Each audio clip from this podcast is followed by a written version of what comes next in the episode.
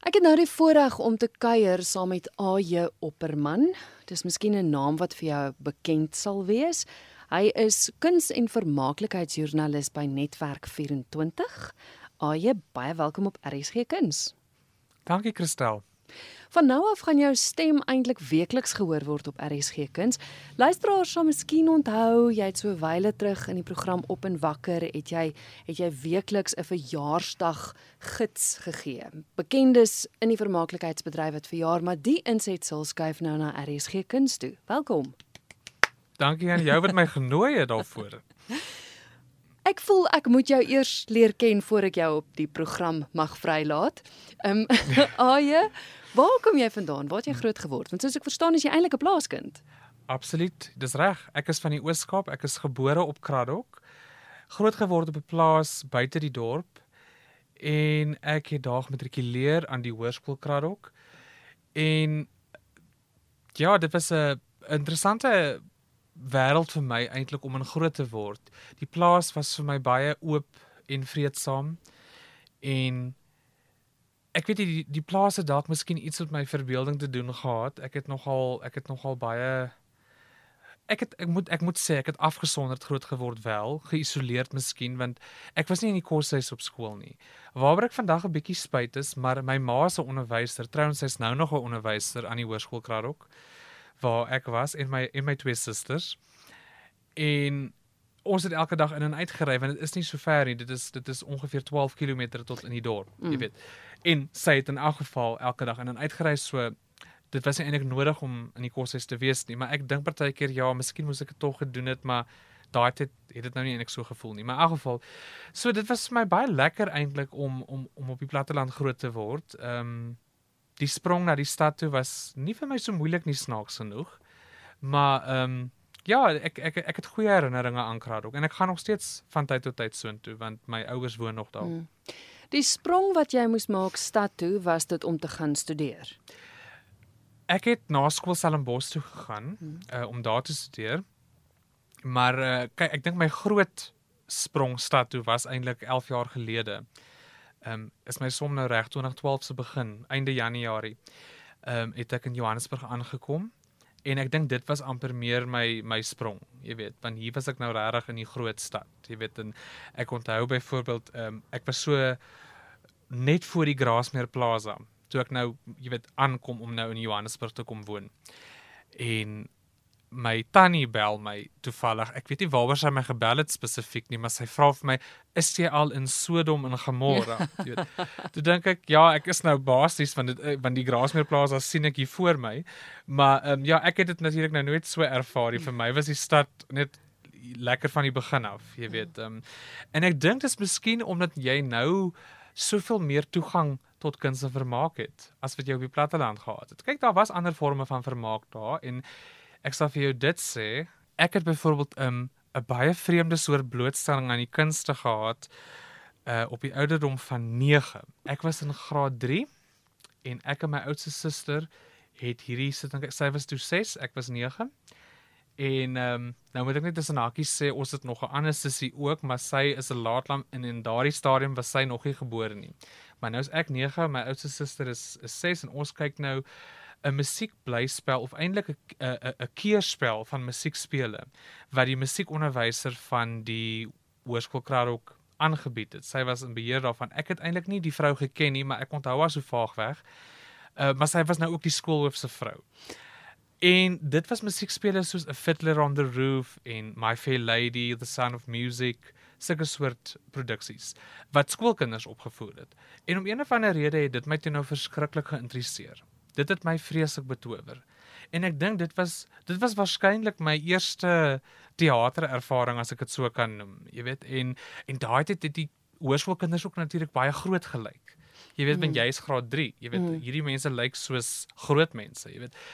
Ehm um, en dit was dit was vir my 'n baie besonderse ervaring eintlik. Ehm um, en ek ek is nooit seker presies waar die die gedagte aan kuns en vermaak begin het nie, maar dit was miskien onwetend daar, want dit het werklik soos ek sê 'n groot indruk op my gemaak. So jy is by Stellenbosch gaan swat, hmm. journalistiek neem ek aan. Ja, die journalistiek was nagraads. Ja, ja. Ek het eintlik 'n 'n kringloop voltooi as ek dit so kan stel. Ek het begin op Stellenbosch. Toe was ek ook by twee ander universiteite en toe was ek uiteindelik weer op Stellenbosch. So ek was voor en na graad op Stellenbosch, maar tussenin was daar ook twee ander ehm um, amper studente, twee ander universiteite. Ja. Ek klink baie geleerd, maar dis nie regtig die geval nie. Nou wat het jy al studeer dan? So ek het begin met 'n kursus waarvoor ek nie uitgeknip was nie en ek het dit agtergekom. En toe het uh, my ma nogal voorgestel uh wat van iets soos journalistiek, jy weet want want ek ek het byvoorbeeld baie tydskrifte gelees. Ek het eintlik meer tydskrifte as koerante gelees toe ek groot geword het. Maar ek het ek het altyd daarvan gehou om onderhoude te lees. Mm. En ek het altyd daarvan gehou om onderhoude te luister en na te kyk op TV. En daar was 'n 'n program van Herman Binge. Ek dink dit was sy program, Die Tweede Lewe, so iets. Mm. En dit het gegaan oor die Suid-Afrikaanse teaterbedryf. En ek het dit ook gesien toe ek omtrent so 12 was. Ek weet nie of dit die eerste uitsending was of nie, maar dit is toe ek dit gesien het. En daai hele interaksie van dis nou 'n dokumentêr wat ek seker daai tyd nog nie eens die woord geken het nie, maar dis 'n dokumentêre program en hierdie mense gesels opvoedkundig en insiggewend oor 'n onderwerp. Dit het my onmiddellik uh geïnteresseer. En en dit was al hierdie mense wat wat weet wat naam in die bedryf gemaak het. Jy weet wat nou wat nou praat oor 'n sekere onderwerp. Ehm um, so ek dink op grond van al daardie soort dinge wat ek as kind uh, in belang gestel het, my ma gesê maar waarom dink jy hoekom doen jy nie iets soos journalistiek nie? En ek dink nie sy het gedink aan kuns en vermaak journalistiek nie. Sy het seker nou meer gedink algemeen, jy ja, weet. Ja. Ehm um, wat ek wel eens waar gedoen het toe ek begin het, Ehm, um, maar ek dink ek was altyd saam net 3 jaar in die bedryf toe ek voltyds begin het om kunste vermaak te doen. Ja. Want ek wil juist vra hoe dit werk. Ja. Jy swat journalistiek. Jy leer uit die aard van die saak seker om in alle forme van journalistiek te skryf, van sport, mm. regdeur nuus, harde nuus, kunste vermaak. Mm. Spesialiseer mens dan op 'n stadium of hoe het dit gekom dat jy beland het in kunste vermaak? Wel in my geval was ek uh was ek eintlik baie gelukkig sou ek sê want wat gebeur het is oral waar ek gewerk het, het ek kunsjournalistiek ingesluit. Goed. Om my waar te sê, ehm um, my heel eerste dag by die burger het ek 3 stories gedoen en een het nogal gegaan oor die nasionale kunstefees in Makanda. Wat in daardie stadium nog nie Makanda was nie, dit was toe nog Gramstad. Mm. En daar is party mense wat ook sê maar jy moet eintlik praat van Grahamstown, selfs al praat jy Afrikaans. Maar dit is nou deesdae Makanda. En maar so by al die plekke waar ek gewerk het, het ek kunste vermaak ingesluit, bykomend tot die ander werk. En toe daar in 'n stadium toe ek nou al in Johannesburg was, eh, het daar nou 'n pos oopgegaan en ek het toe nou gelukkig genoeg die pos gekry waarvoor ek kans genoem het. Dit was ook weliswaar by Media 24, so ek was nie onbekend vir die mense wat my aangestel het nie, maar dit is dit is hoe dit gebeur het. Deurgangs as ek met die bekende mense praat, en onderhoude met hulle doen. Hulle groot bekommernis is dat daar nie meer reg blootstelling gegee word aan die hmm. kunste nie. Met ander woorde, al hoe minder verskyn dit in koerante. Is dit so? Ek dink dit is tog so. Jy weet ons probeer nogal 'n platform daarvoor wees, sou ek sê, want kyk ons het die digitale platform wat eintlik maar 'n baie gulsige monster is om nou mm. vir Monica Breed wat RSG luisteraars sal ken aantal sy het van 'n gulsige monster gepraat maar sy het van radio gepraat ja. natuurlik maar ek dink 'n 'n 'n digitale platform is eintlik ook so want heeltyd moet daar nuwe stories op op dit verskyn en so. Ehm um, ek het al gehoor dat daar ehm um, meer dekking in Afrikaanse as in Engelse media is wat kunste betref. Dis seker nie deur die bank die geval nie, maar daar is daar is maar voorbeelde van dit wat ek al teëgekom het. So ek probeer baie hard om dit ehm um, om dit eintlik uh jy weet te bevorder. Jy weet dit is eie handig, miskien nie so maklik nie, maar ons probeer. Mm. Um, ek dink dit is belangrik dat mense moet blootstelling gee aan die kunste want daar's want dit gebeur ook dikwels dat mense nie weet van 'n sekere ding wat plaasgevind het nie. En dan dink ek, so jy het nou jy het nou byvoorbeeld dan nou nie netwerk 24 gelees nie of jy het nie televisie gekyk nie want daar of jy het ook die RSG kuns geluister nie, jy weet. Mm, mm. Um, dit voel vir my net 'n mens moet eintlik uh van jou kant as iemand wat aan kunste belangstel sê nou maar, moet jy ook daarom 'n bietjie huiswerk doen. Jy moet gaan kyk na die platforms waar dit is. Ek meen ek het nou 3 genoem waarop dit gereeld te sien is of te lees is mm. en te hoor is. Mm. Ehm mm. um, so dit dit is miskien minder, maar uh, ek dink dit bestaan wel dat daar kunste dekking is. En jou rol stel jy mense bloot net bekend aan wat gebeur of is jy 'n resensent?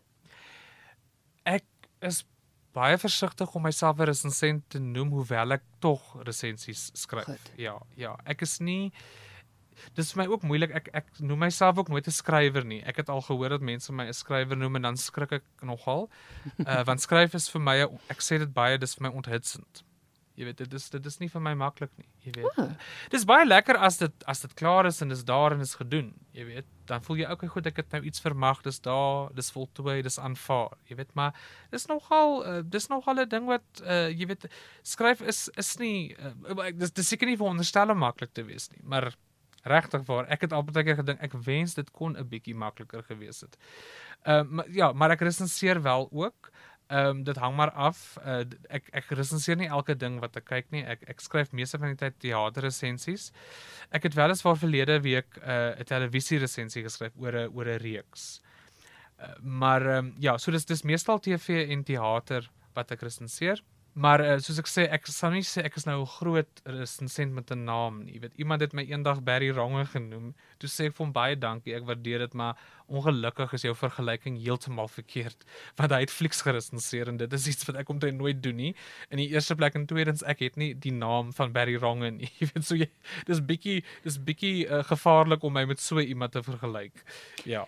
Wel jy gaan van nou af 'n naam hê hier op RSG Kuns. Weekliks gaan ons luister na jou verjaarsdag dagboek en waar jy vir ons gaan vertel van bekende mense in die bedryf wat verjaar het of sou verjaar het of gaan verjaar, hoe dit ook al sy. Uh, welkom by die familie. Baie dankie Christel.